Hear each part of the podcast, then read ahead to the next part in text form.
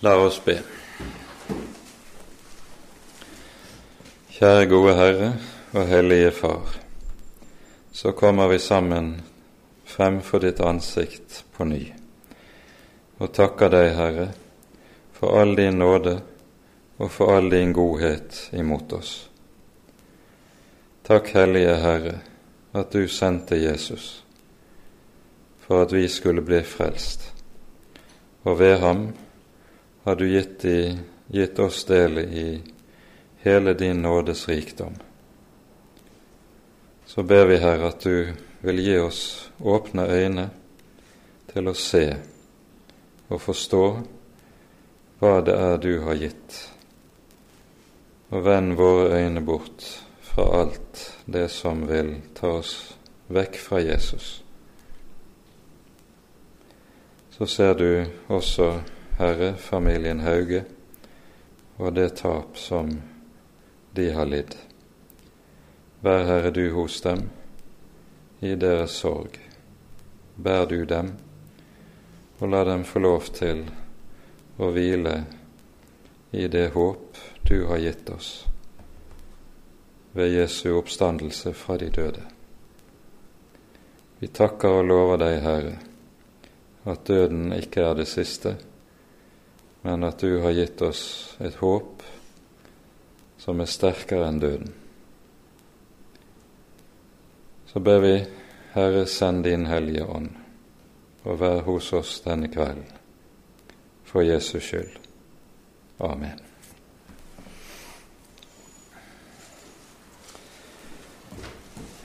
Som uh, dere har sett når vi har gått igjennom Andre Mosebok, så er det en rekke av eh, salmene i Salmenes bok som eh, eh, tar opp og likesom på ulik måte gjennomgår og kommenterer eh, viktige sider ved utgangen fra Egypt, og det som eh, Israel erfarte i denne perioden av frelseshistorien.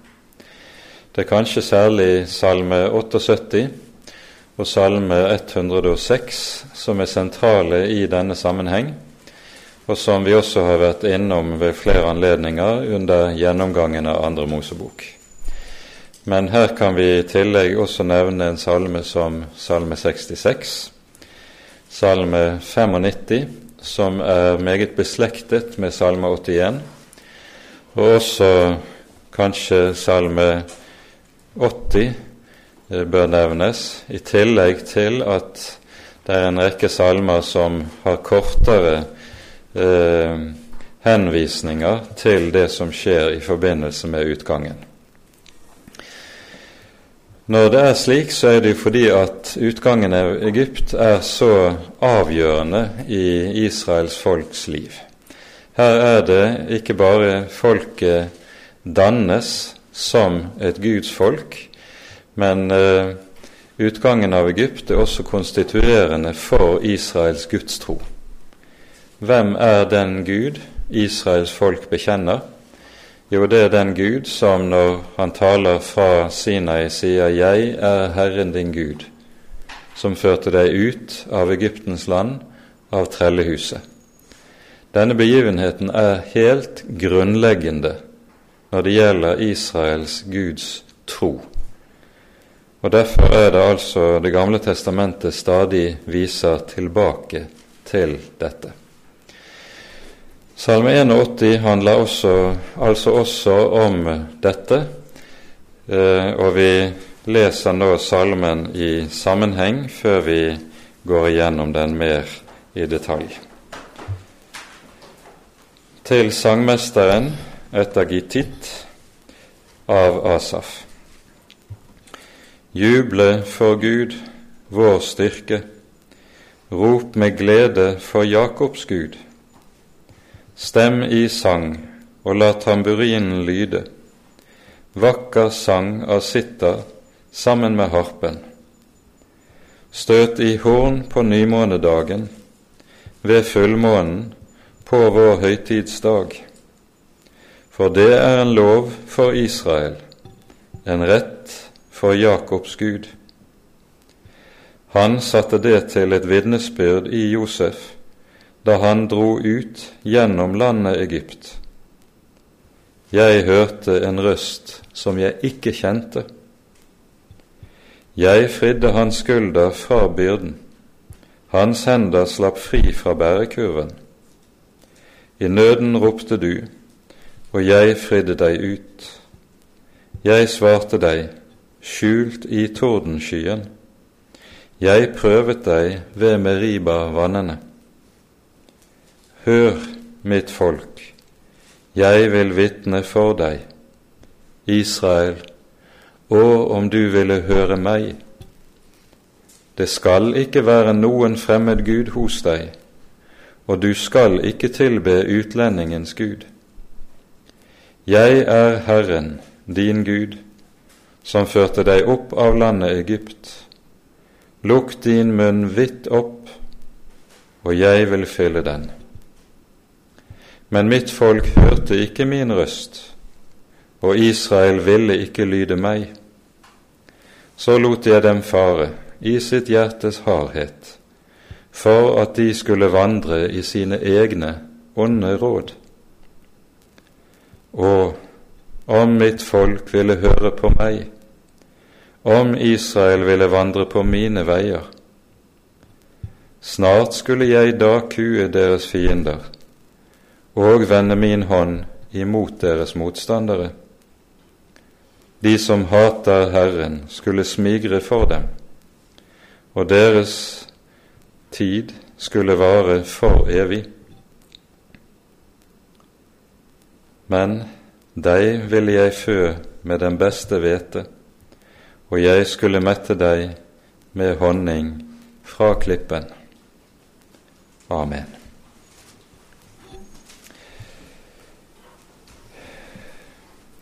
Salmen er slik bygget opp at uh, den begynner med uh, versene 1 til 6 og slutter med versene 16 til 18, der Herren omtales eh, i tredje person. Og så, når vi kommer vers, fra vers 7 til vers 15, der er det Herren som taler i første person. Det er viktig å legge merke til akkurat dette skiftet i salmen, for det har en del å si for hvorledes salmen er bygget opp. Innledningen til salmen tolkes i eh, jødisk tradisjon på en spesiell måte. Det står etter gittit, eh, og det tolkes ofte i, som at det kommer av eh, fra uh, ordet Gatt, som jo var navnet på en av filisterbyene.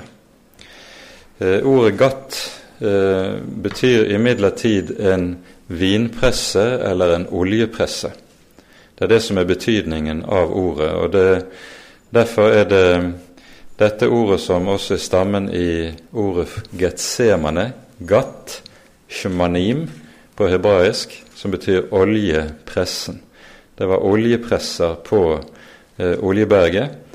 Og det ordet gatt betyr altså en oljepresse eller en vinpresse. Og I jødisk tradisjon så tolkes eh, dette slik at eh, det ordet som er oversatt med 'sangmester', eh, det eh, betyr 'den som lar oss vinne seier'. Eh, for verbet som ligger bak ordet som er oversatt med 'sangmester', det betyr å seire. Så det er oversettes da Tankegangen er den den som lar oss vinne seier gjennom eh, pressen, vinpressen. Dvs. Si at Israel legges like som i en presse, som de var under ørkenvandringen, under Herrens tukt, under Herrens prøvelse under ørkenvandringen, og så blir det noe som lar dem vinne seier. Det er tankegangen som eh, dette, denne overskriften gis i, etter i jødisk tradisjon. I kristen tradisjon er det altså en langt mer nøktern forståelse. Ordet oversettes til sangmesteren, nettopp med tanke på at det, det forstås slik at det er han som leder sangen i tempelet, som eh, får denne overgitt med tanke på at salmen synges som en del av gudstjenesten i tempelet. Og Dette vil vi også se av de innledende versene, at dette samsvarer godt med det som er faktiske innhold i salmen. Gittit kan også bety fra gatt, og er et ord som dermed sikter til en melodi som antagelig var i omløp, og som salmen blir sunget efter. Men dette sier en del om hvor lite vi egentlig vet om hva som faktisk eh, er settingen for en del av det som vi leser når det gjelder eh, spesialuttrykk, eller kunne vi kalle det for faguttrykk, i Salmenes bok. Lenger nede så hører vi jo også ordet 'sela'. Det er et ord som man også som også er et ord som man egentlig ikke vet hva det betyr. Så det får være slik at dette er opp til den enkelte å tolke som han måtte ville. De tre første versene i salmen er en oppfordring til lovsang. Og denne oppfordringen har den særegenhet med seg at vers 2 det er en oppfordring til folket som helhet som er samlet i tempelet. Vers 3 er en oppfordring til levittene. For det er levittene som leder tempelmusikken, og som derfor spiller på disse instrumentene som her angis i eh, eh vers 3, mens vers 4 er en oppfordring til prestene, for det er prestene, Arons hus, som hadde i oppgave å støte i basun på høytidsdagene i forbindelse med ofrene. Og Dermed skjønner vi at disse tre versene bærer i seg en henspilling nettopp til lovsangen i tempelet. En lignende inndeling i uh, ulike grupper av de som lovsynger i tempelet, finner du også i Salme 115. Der uh, uh, kan du lese f.eks fra vers 9 Israel, stol på Herren. Og så kommer vers 10 Arons hus, stol på Herren. Og så vers 11 Dere som frykter Herren, stol på Herren. Det er en innledning i ulike grupper som er samlet eh, for Guds ansikt i tempelet. Men det begynner altså med eh, oppfordringen til, som lyder, juble for Gud, vår styrke. Og Med det så understrekes noe som vi hører på ny og på ny i Salmenes bok. Sangen er en sang for Herren. Det er ikke en sang for mennesker. Og Dette er i dag noe som er uhyre viktig å være oppmerksom på. Salmene og sangene som vi finner i eh, Salmenes bok, de er å forstå i bønnens kategori. Dvs. Si, de er rettet mot Herren, mot Gud. De er ikke rettet mot mennesker. Man synger ikke for mennesker.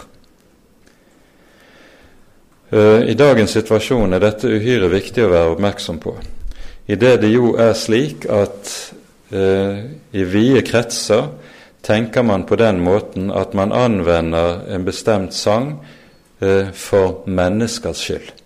Man synger så å si for mennesker. Sangen blir en del av eh, menighetenes evangeliserende gjerning. Og så skal man synge for menneskene.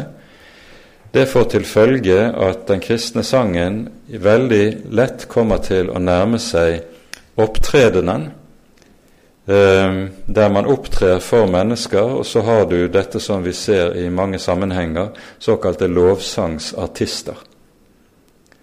da synger man mer for mennesker enn for Herren. Og så er det det som har skjedd, som vi også ser, at scenen har erstattet alteret i Guds hus. Og dette er noe som er helt imot det Guds ord tenker om hvorledes vi skal forstå sangen. Og Dette er også noe som eh, menigheten som fellesskap bør være seg bevisst. Når vi kommer i Guds hus og synger salmene, så er det store flertall av salmene Vi kunne kanskje trekke fra eh, de salmene som kan regnes som katekismesalmer, eh, som er, har et undervisende sikte. Vi har noen katekismesalmer også i Salmenes bok. Men i all hovedsak så er salmene bønner, der vi synger for Herren. Og man skal i prinsippet tenke om salmesangen når du er i Guds hus. Nå står jeg for Guds ansikt og synger for Guds ansikt. Av denne grunn forstås også i, når du leser Hebreabrevet kapittel 13, vers 15, forstås menighetens sang og lovsang som et offer som bringes for Herren. Det er et lovsangsoffer. Så det er en del av den kristne menighets prestetjeneste for Gud.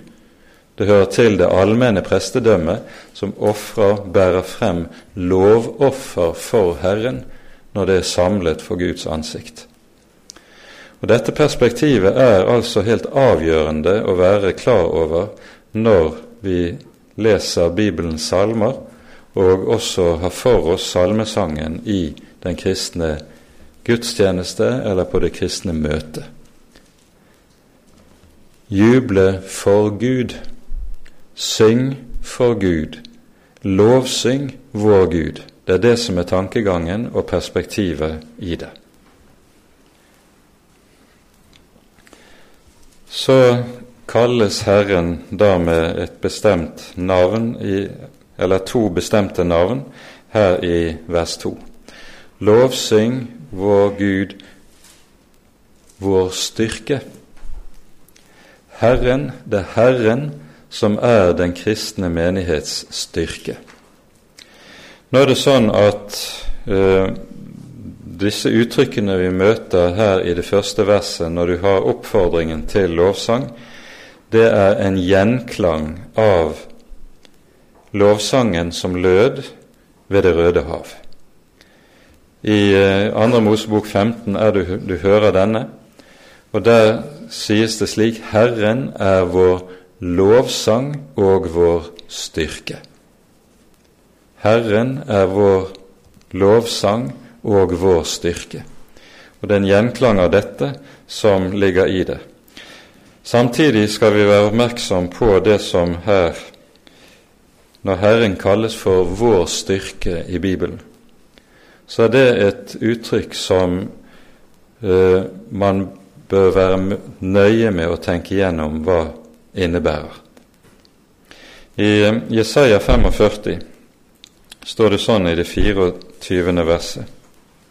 Det er Herren som taler om hvorledes hvert kne skal bøye seg for ham en dag, og hver tunge sverger ham troskap. Og så står det i vers 24.: Og når de bekjenner Herren, skal de også si:" Bare i Herren er rettferdighet og styrke.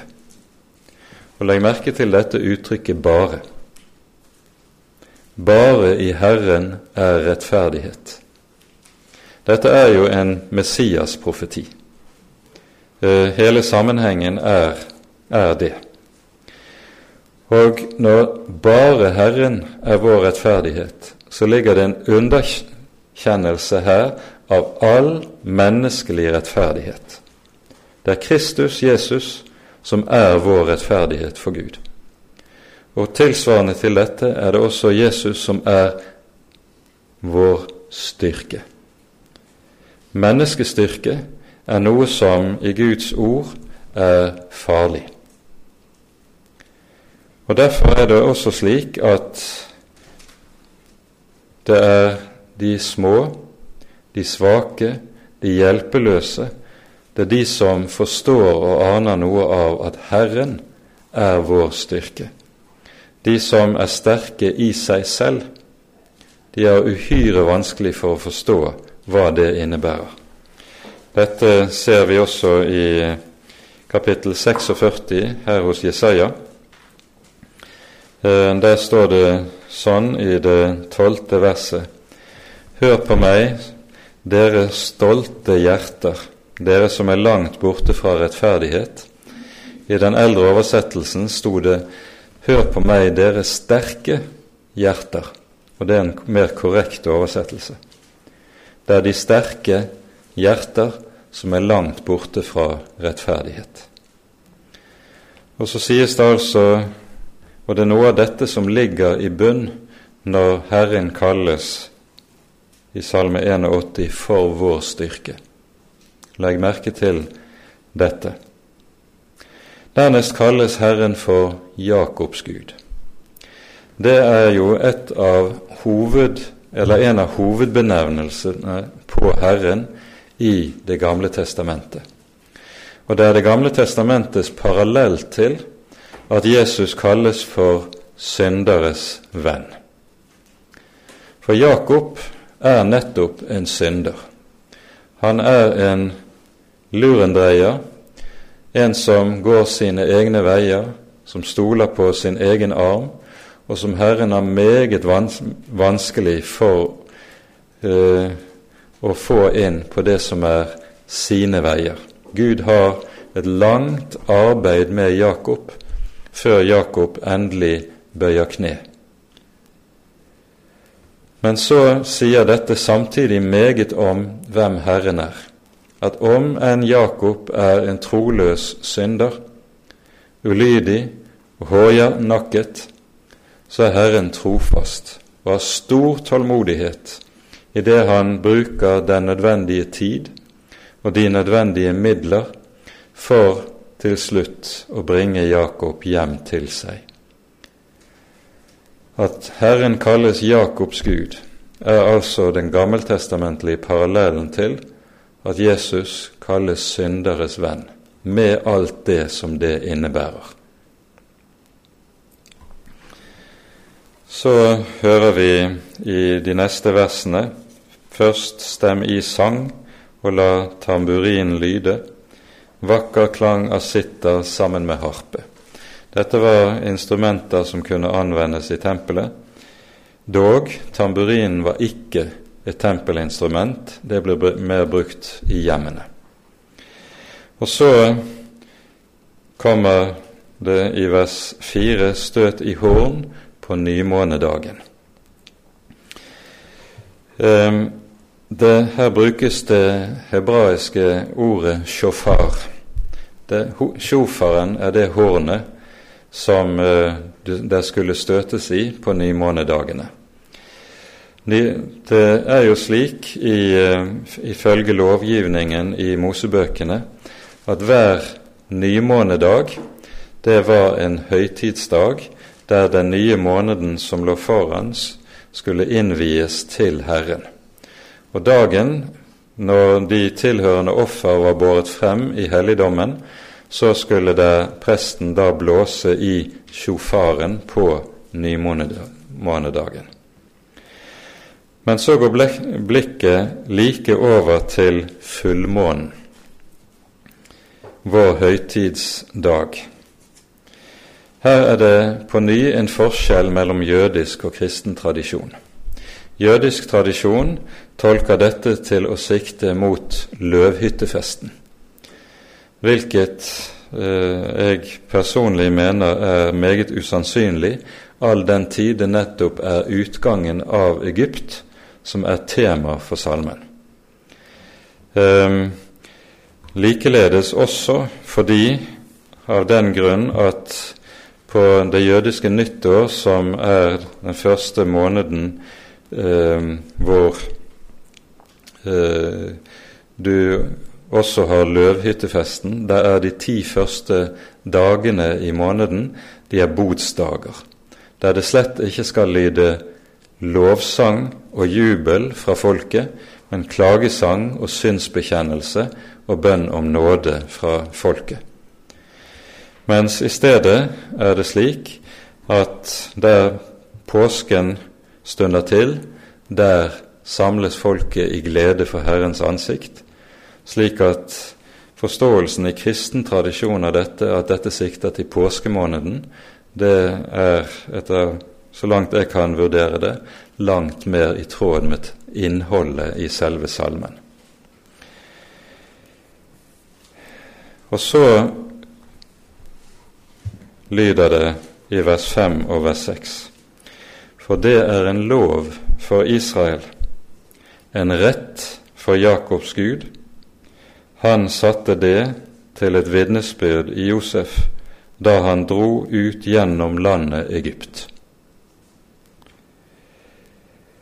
Ordet som er oversatt med lov her, det er det hebraiske ordet chok, som kommer av et verb som uh, rett og slett betyr å hogge i stein. Det er altså tale om en uforanderlig forskrift, en forskrift som skal stå til evig tid. Og Det er jo nettopp det som vi hører i Andre Mosebok.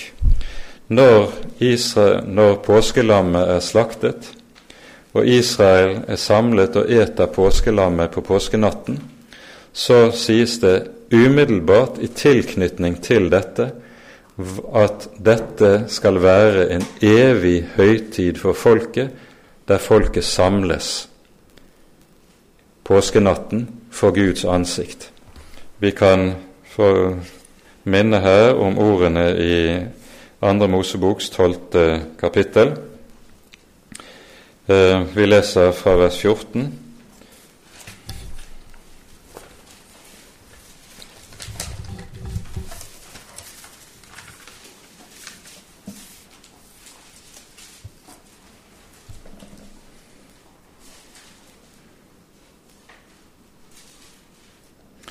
Der står det slik Herren sier, denne dagen skal være en minnedag for dere.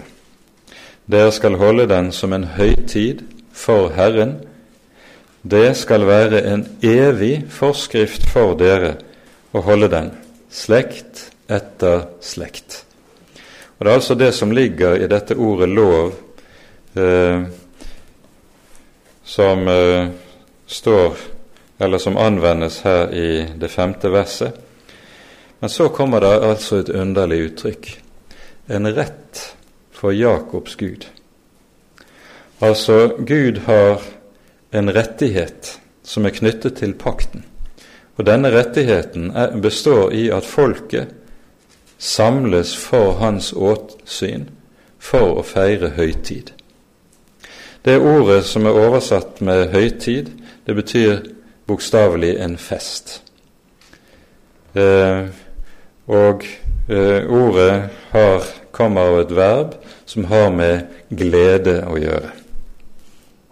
Så det taler om å samles for Herrens åsyn, glede seg for Guds ansikt, eh, ha fest for Herrens åsyn, og dette sies altså dette er en rettighet som Gud har forbeholdt seg at folket skal samles for hans åsyn på dette vis.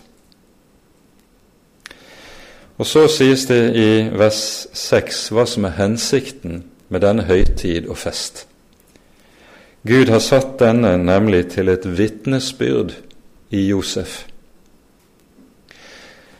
Høytidene og festene som Gud innstifter, og som vi leser om i Mosebøkene, det er jo en rekke høytider. Du har de tre store valfartshøytidene, der folket skal samles for Guds ansikt i tempelet. Og så kommer i tillegg de hyppigere høytidene, og da er det først og fremst sabbaten og nymånedagene, som altså opptrer meget hyppigere, men der folket ikke er pålagt å komme i Herrens helligdom. Alle disse høytider har ett bestemt formål. Det skal være minnedager. Og dette ordet 'minne' er overmåte betydningsfullt i eh, Det gamle testamentet. I det Vi har jo vært inne på det når vi har talt om sabbatsbudet. som jo lyder etter sin ordlyd Du skal komme hviledagen i hu, så du holder den hellig. Og I jødedommen forstås dette som at sabbatsbudet er to bud. Det er for det første et bud som betyr du skal komme i hu, du skal huske. Og for det andre du skal holde hellig. Av den grunn så tennes altså to lys når sabbaten innledes i det jødiske hjem, fordi det er to bud. For det å komme i hu, det handler om Og du kan ta for deg en bibelbok når du kommer hjem, og se hvor hyppig dette dukker opp. Det å komme i hu, det å minnes. Det er helt avgjørende i det det dreier seg om å minnes Herrens gjerninger og minnes Herrens ord. For der dette blir glemt, der faller folket fra Herren. Og det er slik i Det gamle testamentet at det å glemme, det er det ordet som kanskje aller klarest beskriver hva det vil si å falle fra Herren. Israels folk glemte Herren sin Gud. Så Herren har altså sørget for å innstifte høytidene nettopp med tanke på at folket ikke skal glemme. Under disse høytider så skal folket sette alt annet til side. Det skal være hviledager der det ikke arbeides, og så skal folket ta frem Herrens ord, og så lese det, minnes, lære det utenat, hva som er Herrens gjerninger, hva som er Herrens ord. Og På den måten så blir høytidene vitnesbyrd for folket. Det er det som er tankegangen. Han satte det til et vitnesbyrd i Josef da han dro ut gjennom landet Egypt. Når det gjelder den setningen 'da han dro ut gjennom landet Egypt', så tenkes det ikke på at det er Josef som drar ut, altså Israels folk, som drar ut gjennom landet Egypt, men det er Herren som drar ut.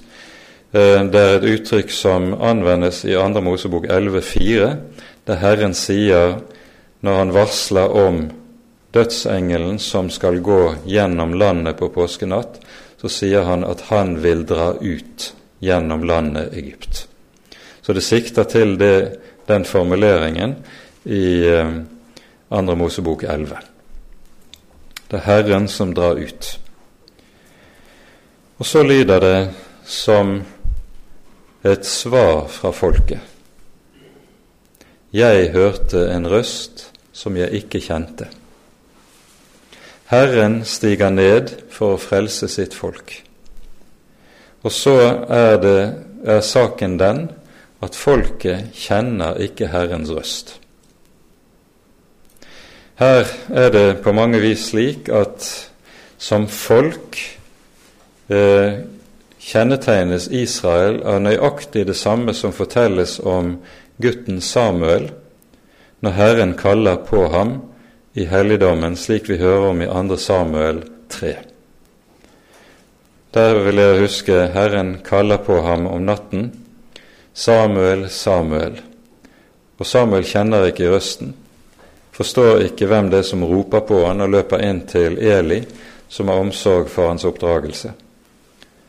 Og så står det som forklaring på at Samuel ikke kjenner røsten, at Samuel kjente enda ikke Herren, for Herrens ord var enda ikke åpenbaret for ham.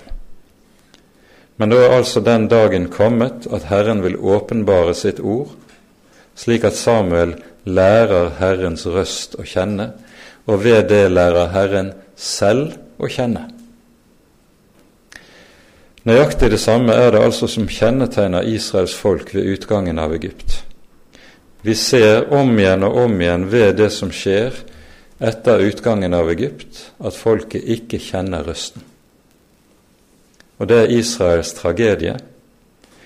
Samtidig er Herrens hensikt med å kalle folket, ta det og gjøre det til sin eiendom, til sitt folk, det er at folket nettopp skal lære ham å kjenne. Det hører vi jo sies i en rekke sammenhenger som vi har vært inne i i andre Mosebok, Du skal kjenne at jeg er Herren din Gud, som bor midt iblant deg, og du skal være mitt folk. Dette lyder jo en rekke ganger også i annen Mosebok. Men Israels tragedie er altså allerede da de kjente ikke røsten. De hørte en røst som de ikke kjente. Så kommer vi over til vers 7, der Herren taler i eh, første person og beskriver i en kort sum hva utgangen av Egypt handlet om. Jeg fridde hans skulder, altså Josefs skulder, fra byrden. Hans hender slapp fri fra bærekurven. Utgangen av Egypt er den store frigjøringen. Herren frir dem ut fra trellehuset for at de skal være hans folk. Og det å være Guds folk, det er altså å være det frie folket. Det er tankegangen. I nøden ropte du, og jeg fridde deg ut, sier Herren. Og Da husker vi på ny dette er sånn minner om det som sies i slutten av kapittel to i eh, andre Mosebok. Trelldommen ble hard, Folket sukket i sin nød og ropte til Herren. Og så står det 'Herren så Israels nød', og han hørte deres rop. Og så stiger han ned for å frelse. Dette er like som utfrielsen i en kort sum.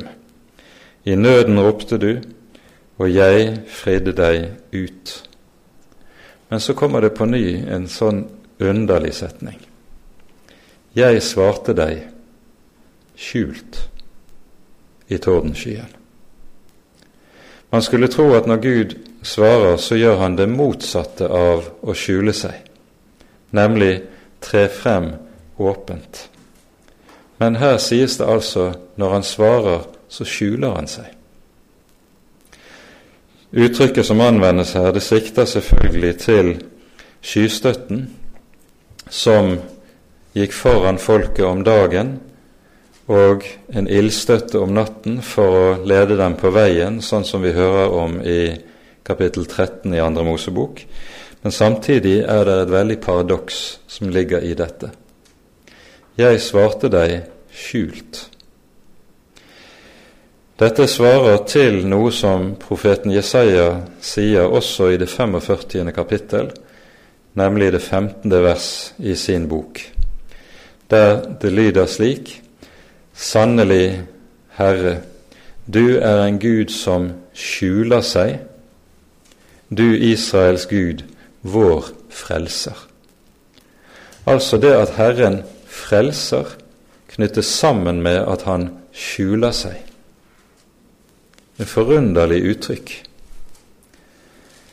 Og det henger sammen med det som vi har vært inne på så vidt, og som henger sammen med noe av det dypeste i Bibelen når vi taler om korsteologien, nemlig at her i tiden får vi kun se Gud bakfra. Vi får ikke se Hans herlighet, vi kan ikke møte Gud direkte, men lik Moses på berget, vi får se ham bakfra. Han skjuler sin herlighet under skrøpelighet, skjuler sin styrke under svakhet, skjuler sin makt under hjelpeløshet. Slik er det Herren altså åpenbarer seg, og så er det på det vis han svarer. Og Dette er altså også et ord som skal lyde inn i, til kristne som kan kjempe med spørsmålet om hvorfor svarer ikke Herren når jeg ber? Han svarer deg kanskje skjult, på en slik måte at det ser ut som han skjuler seg for deg. Og så er det nettopp det at han skjuler seg, som er svaret. I det ligger det svar gjemt, men altså på en helt annen måte enn vi tenker og kan tro ut fra vår naturlige fornuft. Han svarte deg skjult. Og så kommer det neste, og det hører også til Guds svar. Jeg prøvet deg. For det som jo skjer etter utfrielsen, det er jo at Israels folk føres ut i ødemarken. Og det som er det som stadig gjentar seg under ørkenvandringen, det er at Israel stilles på prøve. Herren prøver sitt folk. Her nevnes bare én av prøvene, men er, den er så å si den urtypiske prøven. Det er to ganger Herren lar det velle vann frem av klippen for folket. Den ene gangen hører vi om i kapittel 16 i Ane Mosebok. Den andre gangen i Fjerde Mosebok, helt på slutten etter de 40 årenes ørkenvandring. Det er likesom slik at eh, disse to eh, gangene der vann veller frem av klippen etter at folket har knurret i vantro mot Herren og mot Moses, de smelter sammen. Og likesom Eh, utgjør en sammenfatning av det som er Israels erfaring under ørkenvandringen. Og Dette er jo noe som også kommenteres i eh, Salme 95. Og La oss lese ganske kort derfra. Her hører vi også i, i vers 7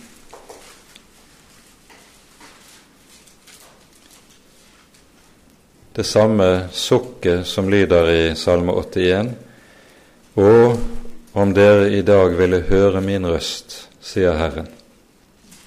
For her er det ikke deres hjerte slik som ved Meriba, slik som på massadagen i ørkenen.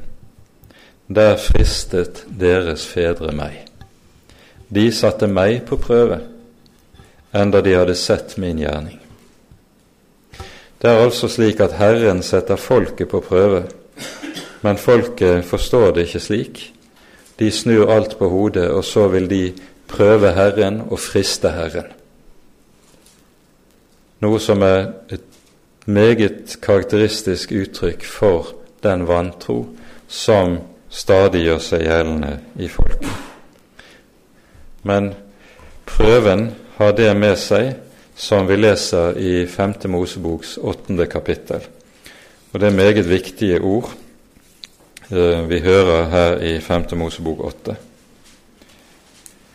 Vi leser vers 2. Kom i hu. På ny lyder det altså dette, ikke glem. Kom i hu. Og hva er det folket her skal komme i hu? Kom i hu hele den vei Herren din Gud har ført deg på i disse 40 år i ørkenen, for å ydmyke deg og for å prøve deg og for å kjenne hva som var i ditt hjerte. Når Gud prøver, så kjennes det, blir det kjent hva som bor i hjertet. I vanskelige tider, da er det det som bor i hjertet, som tyter opp til overflaten. Og hva er det Gud vil finne ut om hjertet? Jo, det sies om du ville ta vare på Hans ord eller ikke. Det er det som prøves. Og det var her Israel stadig sviktet. De tok ikke vare på Herrens ord. Det var helt andre ting de var opptatt med.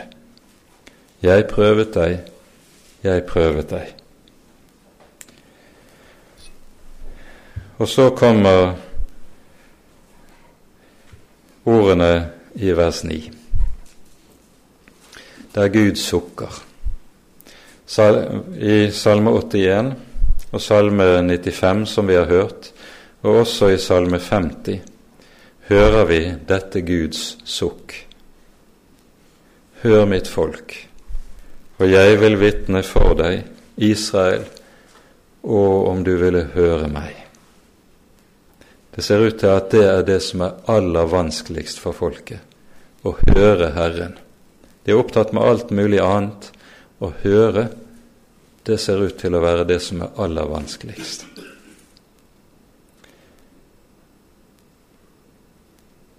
Senere lyder det hos profeten Jeremia, når han summerer opp hva som er Israels ulykke, forut for at dommen rammer Jerusalem ved babylonerne. Så står det i Jeremias syv, bok syvende kapittel dette er det folk som ikke ville høre på Herren sin Guds røst. Det er liksom summen av alt.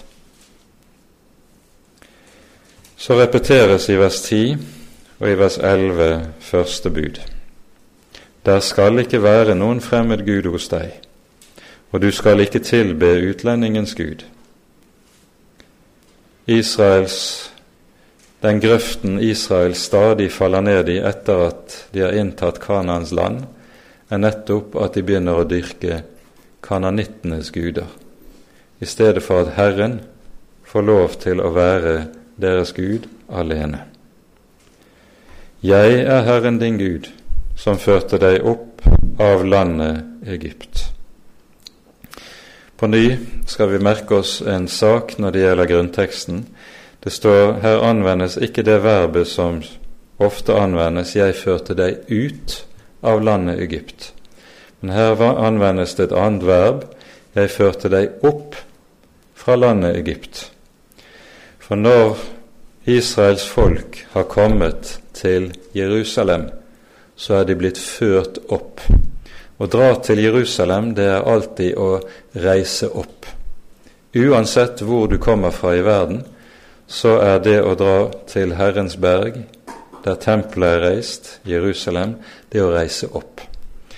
Når Herren sier at 'jeg førte deg opp fra landet Egypt', så sikter det med andre ord ikke bare til at folket er fridd ut fra trelldommen i Egypt, men de er også blitt ført inn til hvilen i det lovede land, der den hellige stad og tempelet er reist. Jeg er Herren din Gud, som førte deg opp av landet Egypt.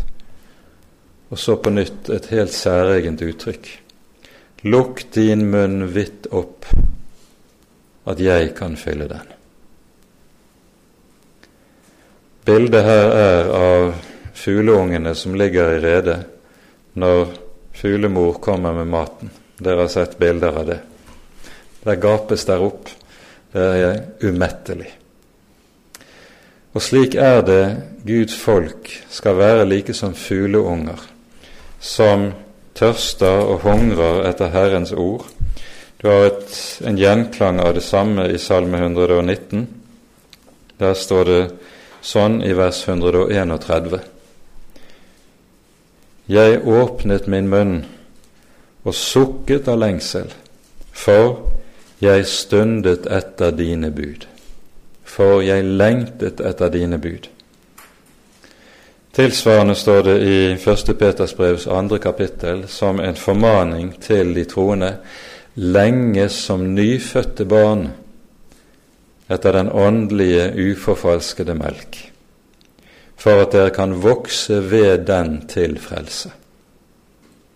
Lukk din munn vidt opp, at jeg kan fylle den.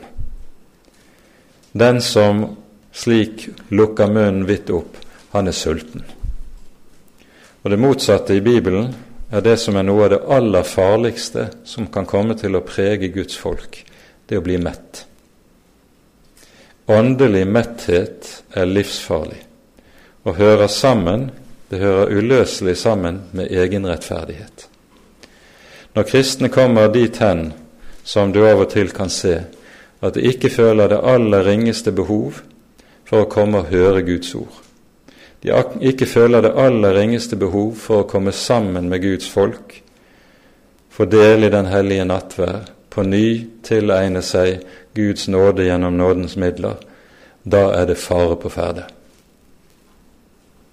Det er meget alvorlig og meget farlig når kristne kommer i en slik stilling at de ikke føler behov for å komme sammen om Guds ord.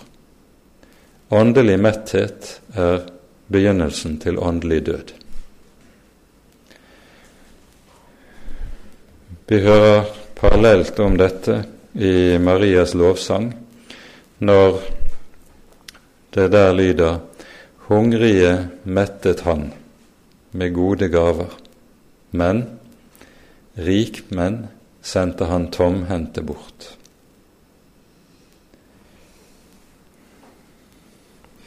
Og så lyder det på nytt fra Guds hjertesorg. Men mitt folk hørte ikke min røst. De var mette. De behøvde det ikke. De ville ha noe annet. De ville ha noe nytt. De ville ha noe mer spennende. De ville ha noe annet som pirret sansene bedre. Mitt folk hørte ikke min røst. Og så er det oversatt i våre bibler, og Israel ville ikke lyde meg. I grunnteksten står det mye sterkere. Der står det Israel hadde ikke lyst til meg. Israel ville ikke ha meg. Det er uttrykket som anvendes. Og vi forstår hvilken hjertesorg som ligger hos Herren når du hører et sånt uttrykk. Og så kommer Guds svar. Så lot jeg dem fare i sitt hjertes hårhet for at de skulle vandre i sine egne onde råd. Når det skjer, enten det er med et enkeltmenneske eller med et helt folk, så er det en dyp, dyp tragedie. Da har Gud overgitt dem til seg selv. De får lov til å gjøre sin egen vilje, vandre sine egne veier, gå etter sine egne lyster, uten å oppleve eller føle at det er noe som hindrer dem eller stanser dem. Hovedbildet på dette det er jo det vi har i fortellingen om den bortkomne sønn i Lukas 15.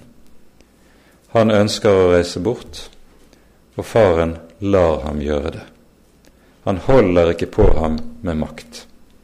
Og slik holder heller ikke Gud på noe menneske med makt som ikke vil. Da sier han, ja vel, du får gå dine egne veier, vandre på dine egne stier, vandre etter ditt eget hode. Men da må du også ta inn over deg hvilke konsekvenser det har. Så lot jeg dem fare i sitt hjertes hardhet, for at de skulle vandre i sine egne onde råd. Å, om mitt folk ville høre meg, og om Israel ville vandre på mine veier. Det som kjennetegnet Israel under ørkenvandringen, der Herren sukker over folket og sier du er et hårnakket folk, det kom til stadig på ny å vise seg som det som var virkeligheten under hele Israels historie i Det gamle testamentet. Det er et folk som har såre vanskelig for å høre Herrens ord. Men stadig rekker Herren ut sine hender mot dette folk. Hos Jesaja lyder, lyder det:" Hele dagen rakte jeg ut mine hender mot et gjenstridig folk, et folk som ikke vil vandre mine veier og som ikke ville høre min røst. Gud, ved sine profeter, kaller folket på ny og på ny tilbake til seg. Og det går 700 år med forherdelse. 700 år der folket ikke vil høre, før Herren til slutt drar, setter strek lar folket gå under for babylonernes hånd, og dommen velte inn over dem som vann. Dette sier meget om Herrens tålmodighet. Og I hele denne tiden rekker Herren altså ut sine hender mot folk og kaller dem tilbake. Og så ligger det et veldig løfte i det. Snart skulle jeg da vende min hånd imot deres fiender.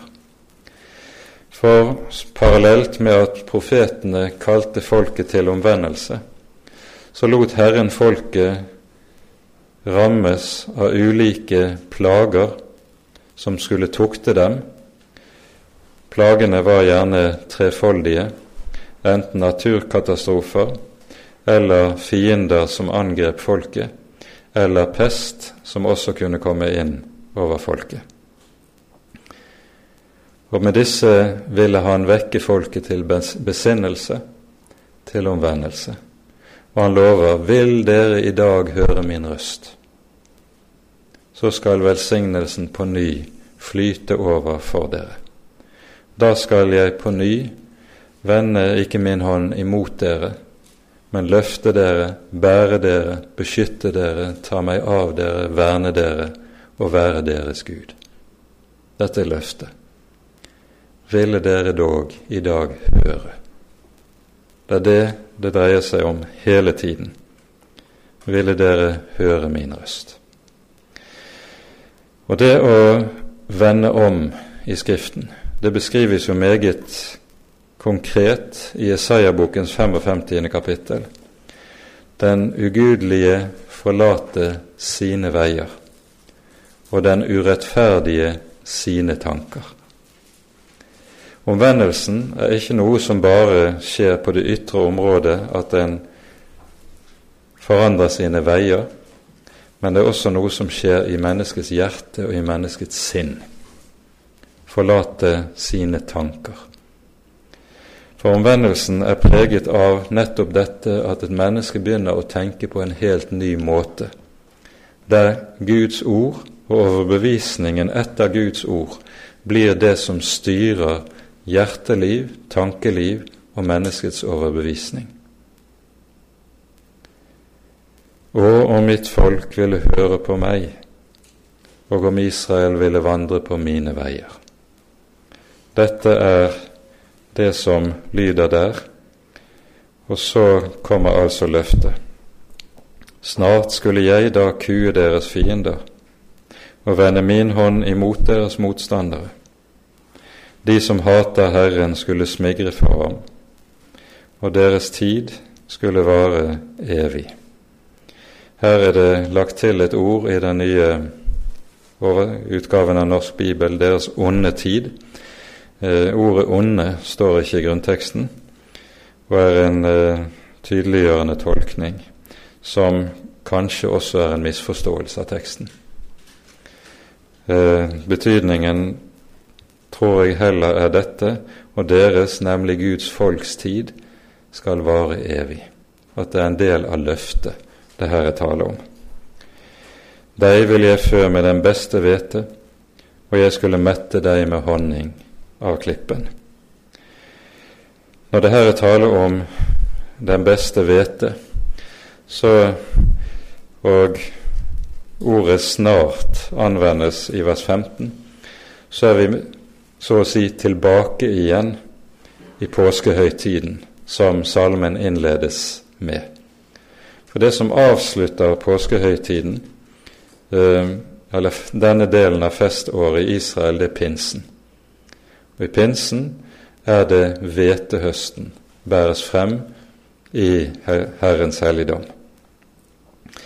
Og så ligger det like som et løfte i dette at like som Herrens velsignelse, når den får rom i folket, fører til at folket kan bære frem hvetehøsten ved pinsehøytid.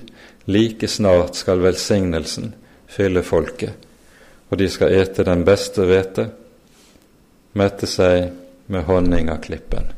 For de har fått bo i det land som flyter med melk og med honning. Og derfor var ment der her ørene var åpne for Guds ord, også å leve under Herrens velsignelse som folk. Dette er altså Salme 81, og den anvender altså erfaringene fra Israels ørkenvandring og utgangen fra Egypt med tanke på en, å være en formaningstale til sin samtids Israel og på denne måten så blir det en salme som også har meget å si oss i vår tid. For vi har den samme vanske som Israel hadde det. Det er på ramme alvor å høre. Det er ikke det enkleste i verden, som mange tror det. Til det kreves det stillhet, og at Herren, at vi på ny og på ny knegår Herren om at Han vil åpne våre ører. Ære være Faderen og Sønnen og Den hellige ånd, som var og er og være skal en sann Gud, høylovet i evighet. Amen.